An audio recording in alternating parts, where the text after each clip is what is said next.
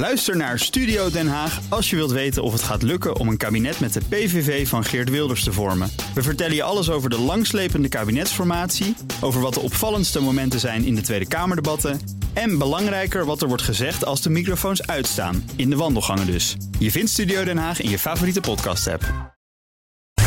BNR Big Five van de cybersecurity is mede mogelijk gemaakt door HP Wolf Security. Een nieuwe generatie endpointbeveiliging. BNR Nieuwsradio. The Big Five. Diana Matroos. De wereldwijde cyberoorlog is geen ver van mijn bedshow. Het Nederlandse bedrijfsleven zit daar middenin. Ik wil weten wat bedrijven, overheden, burgers moeten doen om die strijd te winnen. En daarom ga ik deze week in gesprek met vijf top-experts in BNR's Big Five van de cybersecurity. En vandaag sluit ik de week af met Jaya Baloo. Ze is de Chief Information Security Officer, ofwel CISO, bij informatiebeveiligingsbedrijf Avas Software. Eerder had ze die functie bij KPN. En ze is een absolute autoriteit op het gebied van uh, cybersecurity. Echt iedereen die we zeiden, we hebben, we hebben jou. Ja, hebben, hebben jullie haar? dus we zijn heel erg blij uh, dat je er bent, uh, Jaya. En eigenlijk uh, was jouw droom ooit om astronaut te worden. het is het nog steeds. Dus uh, eigenlijk als ik ooit Elon Musk ga spreken... dan ga ik gewoon smeken. Mag ik alsjeblieft mee een keer? Ja. Ja. Want, want je bent daar echt heel erg mee bezig geweest vroeger. Ja, heel erg. Ik heb zelfs een brief geschreven toen ik, uh, weet ik wel hoe oud, maar heel jong, naar NASA geschreven dat ik wilde dat straks worden. En dan had ik een keurige pakketje teruggekregen wat ik allemaal moest doen om dat straks te worden. En, um, en weet je, ik vond dat natuurlijk allemaal heel eng, want je moest dan iets doen pas als je 30 was. En ik dacht, 30, dat is stok oud. Dus, ja. En waarom wilde je het doen? Wat, wat fascineerde je aan die wereld? Nou, niet alleen aan astronomie, maar ik, ik heb nog steeds een soort wonder uh, van alles wat um, ontdekt is uh, in het wetenschap. En dan nog te ontdekken dingen zijn. Dus ik, ik, ik vind het gewoon alleen maar goed. En ik heb zoveel respect van de mensen die dat wel hebben gedaan, zeg maar. Die wel in uh, de wetenschap zitten en uh, fysici en astronomen. En ja. Ja. En intussen zit je natuurlijk volop in de cybersecurity. Is daar een relatie tussen die twee werelden? Nou, ik denk dat. Um, wat zo leuk is aan beide, zeg maar de verbinding die je tussen beide kan zoeken, is de feit dat je denkt dat je het gewoon net snapt. En dan komt er nieuwe informatie is waar je laat zien, eigenlijk snap ik het helemaal niet. En soms heb ik dat gevoel ook. En ik vind dat eigenlijk heel goed. Dat motiveert je om verder te gaan, om meer te leren, om te blijven uitdagen naar jezelf, maar ook naar de mensen met wie je samenwerkt, om het beter te doen de volgende keer. En dat vind ik juist heel leuk. En die technologie, daar was je al echt ook heel jong mee bezig. Hè? Je was geloof ik tien. Toen schreef je het eerste programma voor de, voor de computer. Wat voor programma was dat? Nou, dat stelt niet zoveel voor, maar ik um, ben begonnen met Basic. Dus zoals iedereen, ja. een Commodore 64. En dan op school hadden we andere computers. Dus we begonnen eigenlijk onze negende in New York. In een, Want daar ben je opgegroeid, hè? Ja, in Amerika. Sorry, in Amerika. Ja. Ja. Dus uh, ik ben opgegroeid in Amerika, pas naar Nederland gekomen toen ik 24 was. Maar toen ik jonger was, um, hadden we een public school, PS24, in Queens. En uh, daar heb ik leren programmeren um, op mijn negende. En dan was ik thuis en dan heb ik dat doorgezet naar dingen maken. Gewoon, gewoon stomme dingen wat uit het boekje kwam, maar ook zelf um, aan de slag geweest. En ik denk dat dat moment, wanneer je beseft dat je kennis kan vertalen wat iets van jezelf is, dat je het eigen maakt, dat is dan zo spannend voor een kind. Ja. Dus het, ja, dus nou ja, en ik deed op mijn tiende hele andere dingen. Dus je zegt zo van, nou, het is gewoon, maar je was gewoon echt toen al aan het kijken van, je hebt iets, maar je kan ook anders naar iets kijken. Ik denk dat dat ook is hoe jij met uh, technologie omgaat. Iets kan je altijd uh, breken. Ja. Nou, sowieso. Maar dat gaat om de creatieve geest. Uh, de meeste hackers, zeg maar, dat is precies wat ze doen. Ze kijken naar iets en denken ze: wat kan ik hier nog meer mee? Bij BNR ben je altijd als eerste op de hoogte van het laatste nieuws. Luister dagelijks live via internet. Bas van Werven. En heel langzaam komt de zon op rond dit tijdstip. Je krijgt inzicht in de dag die komt op BNR, het Binnenhof in Nederland en de rest van de wereld. De Ochtendspits. Voor de beste start van je werkdag. Blijf scherp en mis niets. BNR Nieuwsradio. The Big Five. Diana Matroos. Welkom bij het tweede halfuur van BNR's Big Five. Deze week ga ik in gesprek met vijf kopstukken uit de wereld van de cybersecurity. Eerder deze week sprak ik met Inge Bryan. Zij is de CEO van onze nationale beveiliger Fox IT.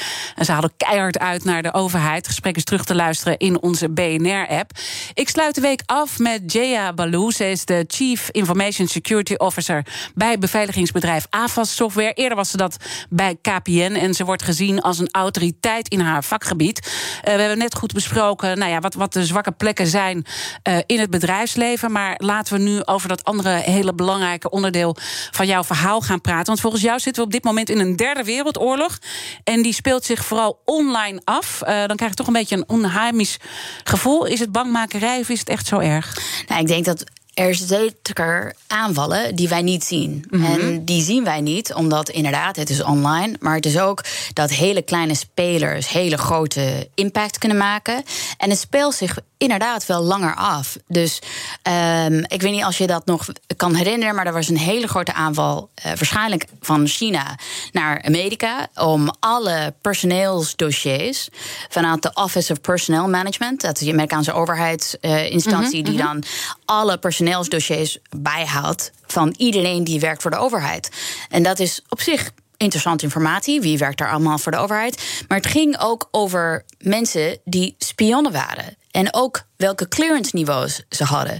Dat was allemaal in één keer grootschalig gejat. En daar kunnen ze natuurlijk van allerlei andere dingen ook mee. Uiteraard. En ja. dat soort tactieken, dat is gewoon puur espionage.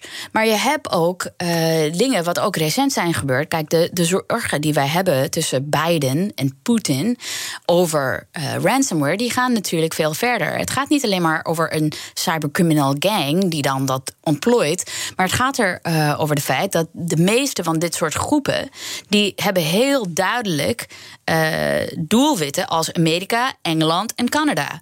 En die zijn dan vrij om te bewegen in Rusland. Mm -hmm. Dus uh, je kan niet meer bijna een verschil maken tussen een puur statelijke actor, die dan echt door de staat wordt gefund en gerund, of een actor die dan wordt beschermd door de staat, waar gewoon niet opgepakt wordt of iets anders mee gedaan. Maar is het dan ook zo dat je ook helemaal niet meer weet wie je vrienden en vijanden zijn? Is het zo ondoorzichtelijk geworden? Of is dat nou, nog dat, wel ik denk dat dat is, in kaart ja, te brengen? Maar ik denk dat dat altijd een beetje het verhaal is. Want ook, weet je, je hebt natuurlijk de Five Eyes en de Nine Eyes en allerlei uh, inlichtingsgroeperingen van um, landen die met elkaar werken op inlichtingsoperaties. Maar uh, ook dat gezegd te hebben, daar is natuurlijk altijd een deel. Um, ja, scepticism, zeg maar. Mm -hmm. Want hoe ver gaat dat? Er is altijd een deel van een professionele paranoïde, denk ik, tussen die verschillende groepen. Want niet alle informatie wordt heen en weer gedeeld. Mm -hmm. Um, en uiteindelijk uh, gaat het om de operatie zelf. Wat wel gek is, is dat je wel heel vaak in het nieuws hoort. Wij hebben ook hoor, als bedrijf, we klassificeren aanvallen en aanvalsgroepen vanuit Rusland, vanuit Iran, vanuit Noord-Korea en China. Maar we zien bijna niet de aanvallen die komen uit westerse landen. Ja, en, en, en, en dan denk ik dat is eigenlijk naïef. Want we kunnen ons heel focussen op die landen, dat die dat doen. Maar wij doen het natuurlijk net zo goed. Ja, uh, Meer we moeten ook. Uh. We moeten ook, of beter.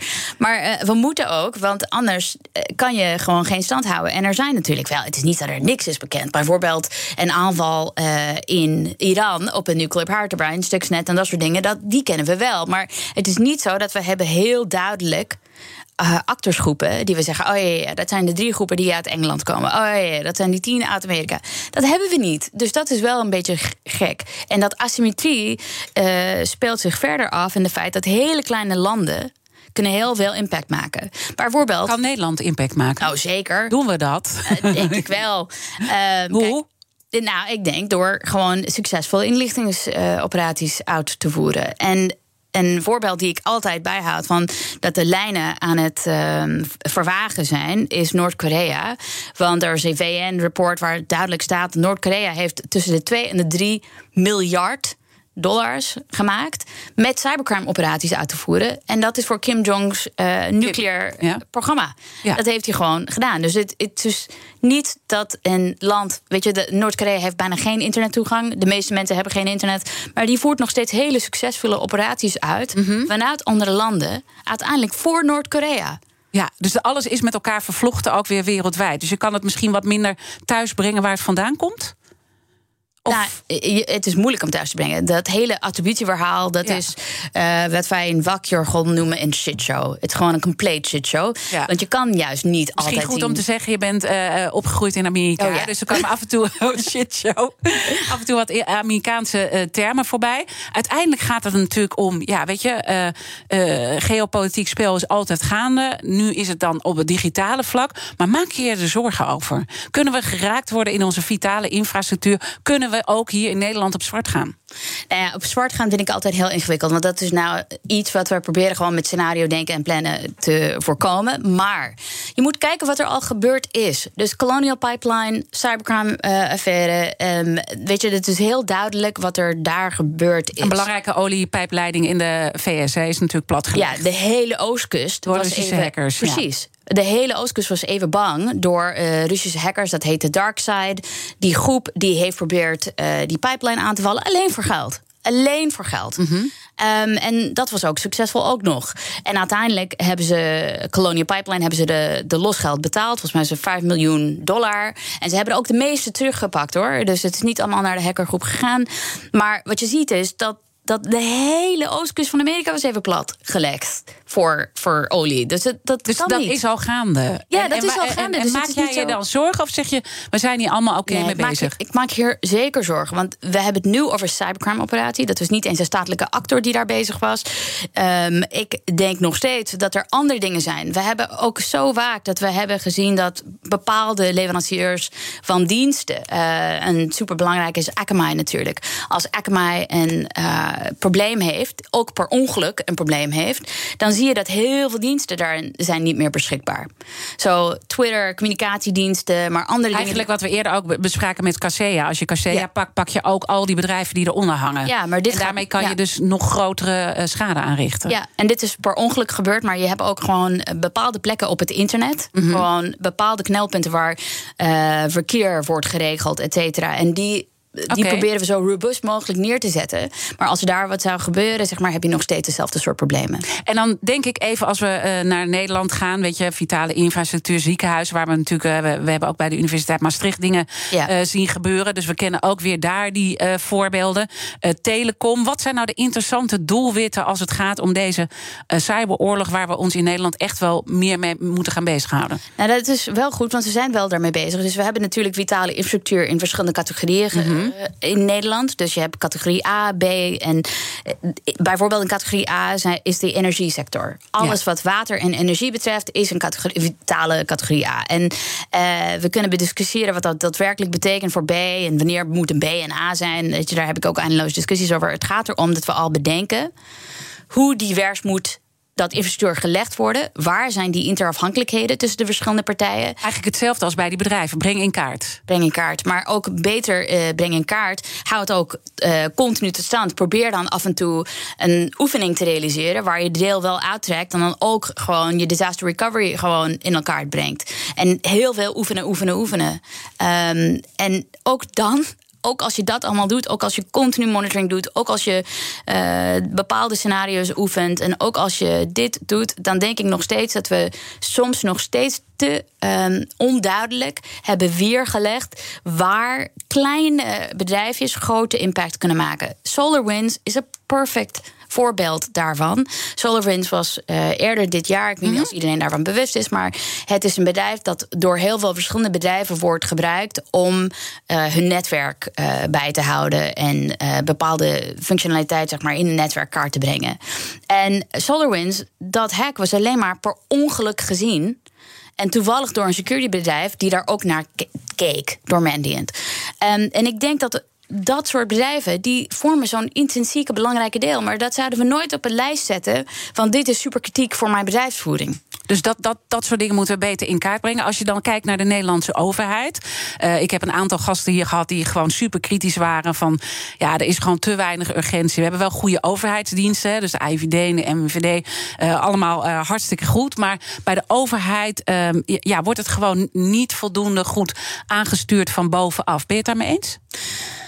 Um, ik denk dat er wel, you know, the, the good intentions are the road to hell.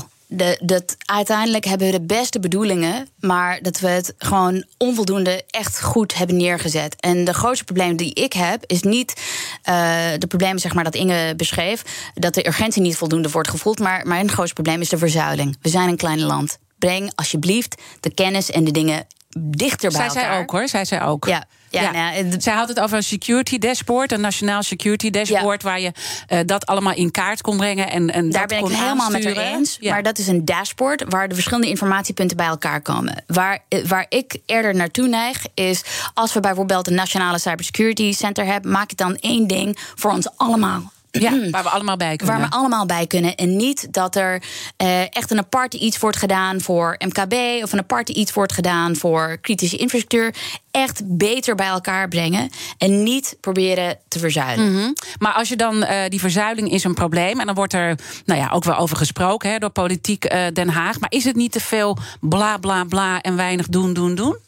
Ja, heel vaak vind ik dat wel. Want nogmaals, de problemen uh, die best aangepakt wordt, zijn constructies zoals in Engeland. Zo in Engeland hebben ze één grote instantie waar ze eigenlijk alles bij elkaar hebben neergezet. En dat is gewoon volstrekt gefocust op het operationele. Een ander land die ik vind dat het wel op orde heeft, zeg maar voor cybersecurity in ieder geval, over hoe ze hun uh, defensieve positie hebben goed neergezet, is Israël. En ik denk ook dat het een uh, continu probleem is door de hele wereld dat we eerder focussen over een offensieve operatie in plaats van defensief het helemaal goed hebben geregeld intern. Je moet dus, gewoon slimmer zijn dan, boe, dan de boef uiteindelijk. Yes. Ja, ja, ja, dat ja. is gewoon en dan in zelf denken als hacker. Zometeen praat ik verder met Jaya Balou, de CISO van Avas Software. En echt een boegbeeld binnen de security-wereld. Maar eerst even naar Nina van der Dungen, want om 11 uur heb jij jouw programma BNR Breekt. Wat Ja. is jouw breekijzer? Nou ja, we gaan het natuurlijk hebben over de Grand Prix. Want je kan er niet omheen. Ja, ook al oh, mijn wil je jongens het. zijn er ook zo mee bezig. Nou ja, je kan er gewoon niet meer omheen eh, racen, zou ik zeggen. Er is natuurlijk jaren over gesteggeld. Echt, laten we eerlijk zijn, wat een gezeur hebben we erover eh, gehoord. Rechtszaken, milieu, stikstof, eh rugstreeppadden, artiesten die dan gratis optreden. Het was een bevalling, zo Ja. kun je het wel stellen. Maar goed, we starten toch echt. Dat mogen we, eh, best, nou, mogen we best een klein wonder noemen. Dus eh, daarom ook ons breekijzer.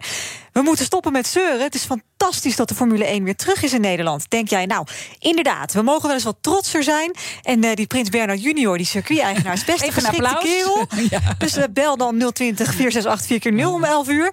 Of zeg je niet zeuren, niet zeuren. Ik heb heel veel te zeuren. En dat ga ik toch mooi even op de nationale radio doen. Ik Dan hoor mag je een ook hele bellen. mooie discussie. Ja, eh, precies. Dus om komen. 11 uur inbellen naar 020 468 4 keer 0. Oké, dankjewel.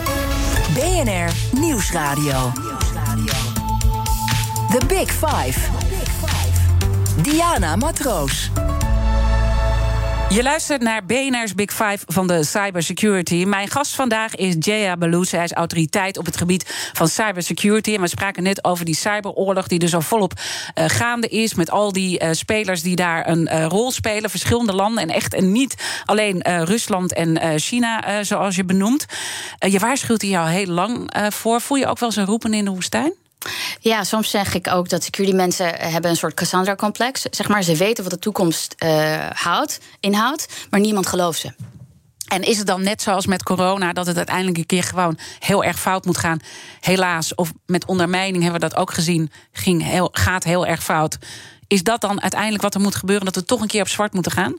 Ja, het is continu eigenlijk dat we altijd zeggen dat je wil niet dat een kalf ergens verdrinkt, maar dat gebeurt toch. En dan wil je daarvan gewoon de lessen uitpakken en dat de volgende keer beter doen. Eh, Echt, eh, er zijn zoveel dingen waar we al voldoende had kunnen leren. Niet alleen de dingen die bij ons gebeuren en direct impact hebben, maar ook dingen die elders gebeuren. Daar zouden we ook beter in staat moeten zijn van te leren. Maar we denken, ah nee, ze zijn niet achter mij. Nee, ik ben niet interessant. Ver van mijn bed, joh. Ja, ja en dat, dat vind ik zo kwalijk. Dus durven te kijken op de lange termijn en gewoon weten dat dit gewoon nog gaande is. Gewoon Ja, maar durf te leren van alles. Durf Ja. te leren van dingen die ook buiten jouw eigen dingen gebeuren. En kijken wat voor impact ze hebben op jou mogelijk. En dan wil ik ook een blik met je werpen op de toekomst. Want je bent altijd bezig geweest met technologie. Want zo begonnen we de uitzending. Met tien al eh, schreef je je eerste computerprogramma. Eh, ehm, wat is nou iets waar jij eh, naar uitkijkt, maar waarvan je ook denkt: wauw, als dat gaat gebeuren?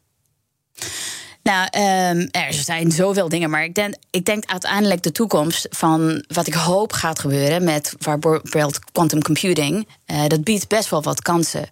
En voornamelijk voor de wetenschap. Want er zijn best wel wat gerichte wetenschappelijke problemen. Bijvoorbeeld als we uh, weer een vaccin moeten ontwikkelen en weten hoe dat dan uitwerkt op de hele populatie. Dan is een quantum computer daarvoor mogelijk uh, een betere gereedschap ding dan elke ander ding wat we nu hebben. Alleen om te proberen te kijken hoe kunnen we beter moduleren hoe de mens werkt en hoe uh, protein folding gebeurt. En dan je dus allemaal plussen. plussen uh, omdat het gewoon heel snel gaat. Want misschien mensen die nu denken quantum computing.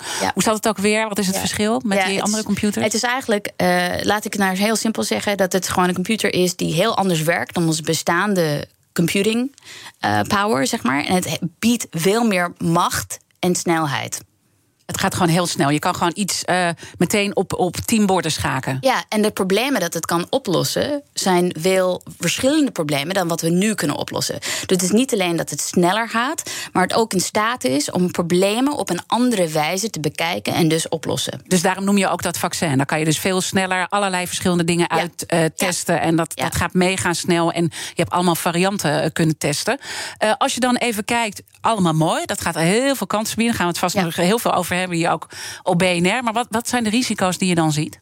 Nou, één risico waar ik heel vaak over heb gewaarschuwd, is het dus ook in staat, omdat het op een andere manier bezig is, om bepaalde problemen die wij hebben ingebakken in onze bestaande versleutelingsalgoritmes. Dus om te kunnen versleutelen hebben we verschillende wiskundige problemen. Uh, wat zo moeilijk zijn voor onze huidige computers, dat het kan de, de, ja, de leeftijd van het universum eh, duren voordat het opgelost wordt. Dus het duurt een paar biljoen jaar met de huidige computingkracht. Maar met de quantumcomputer, dezelfde wiskundige problemen kunnen van een paar miljard jaar naar een paar seconden worden opgelost. En dan betekent het dat al onze bestaande versleuteling niet meer toe in staat is om ons te beschermen. Dus daarom hebben we nieuwe methodes nodig, nieuwe algoritmes, maar ook uh, andere soort infrastructuur om uiteindelijk totaal weerbaar te zijn tegen een quantum computing aanval. Ja, want als er dan nu een aanval zou komen en die quantum computer uh, is er, dan kan je dus eigenlijk iemand heel snel hacken. Dan gaat, daar hoef je geen ja. uh, maanden mee bezig te zijn. Nou, het is niet per se hacken, maar je kan de, de encrypte, versleutelde communicatie kan je gewoon lezen. En kijk, we hebben best wel lang wat versleutelde communicatie heen en weer gestuurd. Dus de grootste zorg is alles wat er al gestuurd is over de internet, wat versleuteld is. En dan vervolgens nu al, nu al, nu al hè.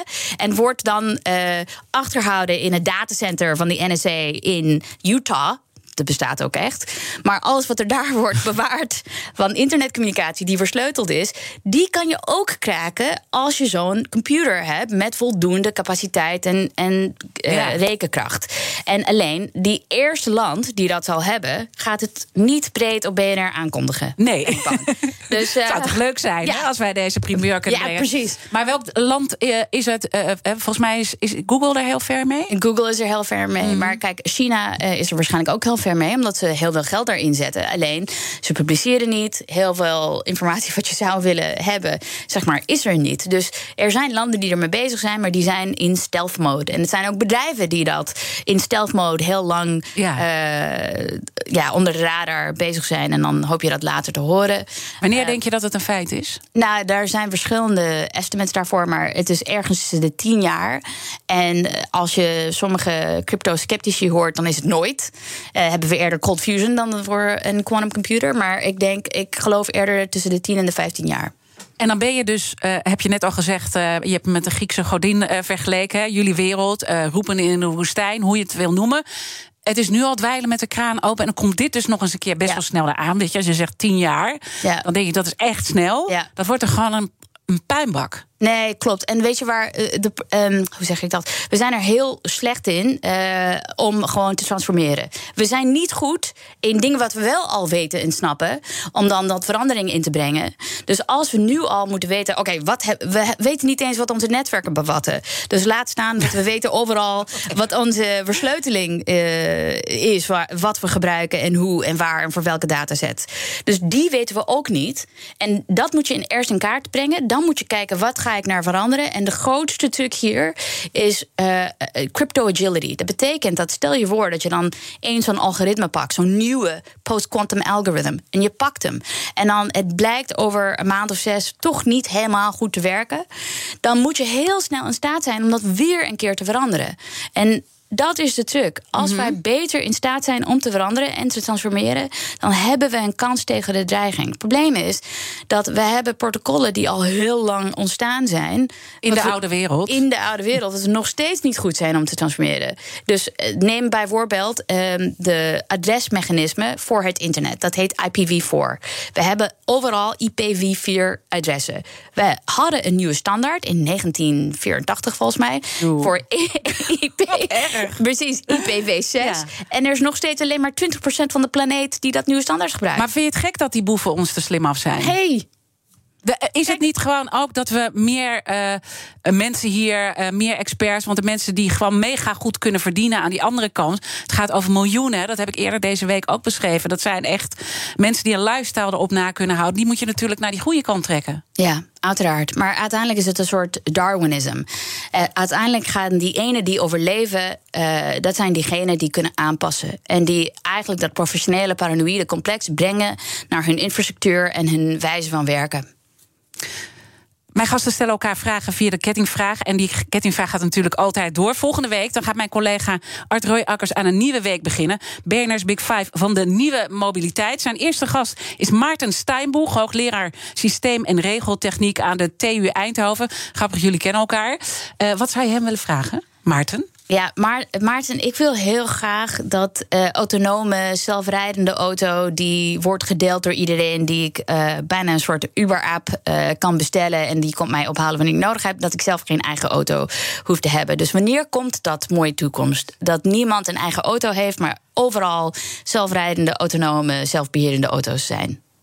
Mooie vraag, die gaat hij zeker stellen volgende week. Maar zit jij dan een beetje veilig in zo'n auto met al die security problemen? Want ik bedoel, als je ook in de mobiliteit al die technologie gaat brengen, dan denk ik. Mm.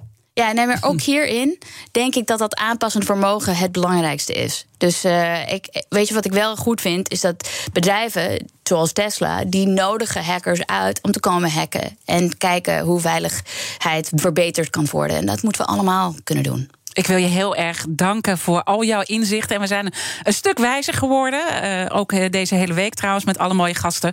Uh, Jaya Balou, Chief Information Security Officer bij Avas Software. En eerder was ze dat bij KPN.